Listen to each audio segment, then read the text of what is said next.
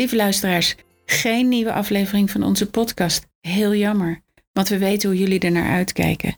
En een en ander heeft natuurlijk te maken met de lockdown waar we ons weer in bevinden. Maar niet getreurd, want er staan zeker nog een aantal afleveringen in de planning. Zo gaan Anita en ik natuurlijk door met de zwangerschapskwaaltjes. Daar kunnen we nog wel een aflevering meer over vullen. En ook hebben we een podcast op de planning staan over wasbare luiers. Is dat nou een gedoe of is dat een goed idee? In die podcast hoor je daar alles over. Ook staan we natuurlijk altijd open voor suggesties van jullie kant.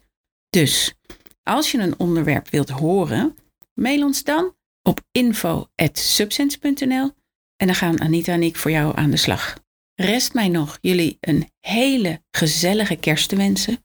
Anita en ik hopen dat jullie heerlijk gaan kokoenen en realiseer je dat zeker als je je eerste kindje krijgt, dit jullie laatste kerst is zonder te hoeven voeden, luiers verschonen, s'nachts wakker te worden, baby's in slaap zussen. Dus geniet even van deze me-time.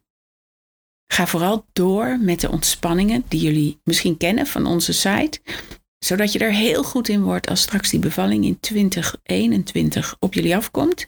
En kijk samen uit naar een prachtig 2021 met jullie mooie, zachte, lieve, meest fantastische baby die je maar kunt bedenken. Fijne feestdagen.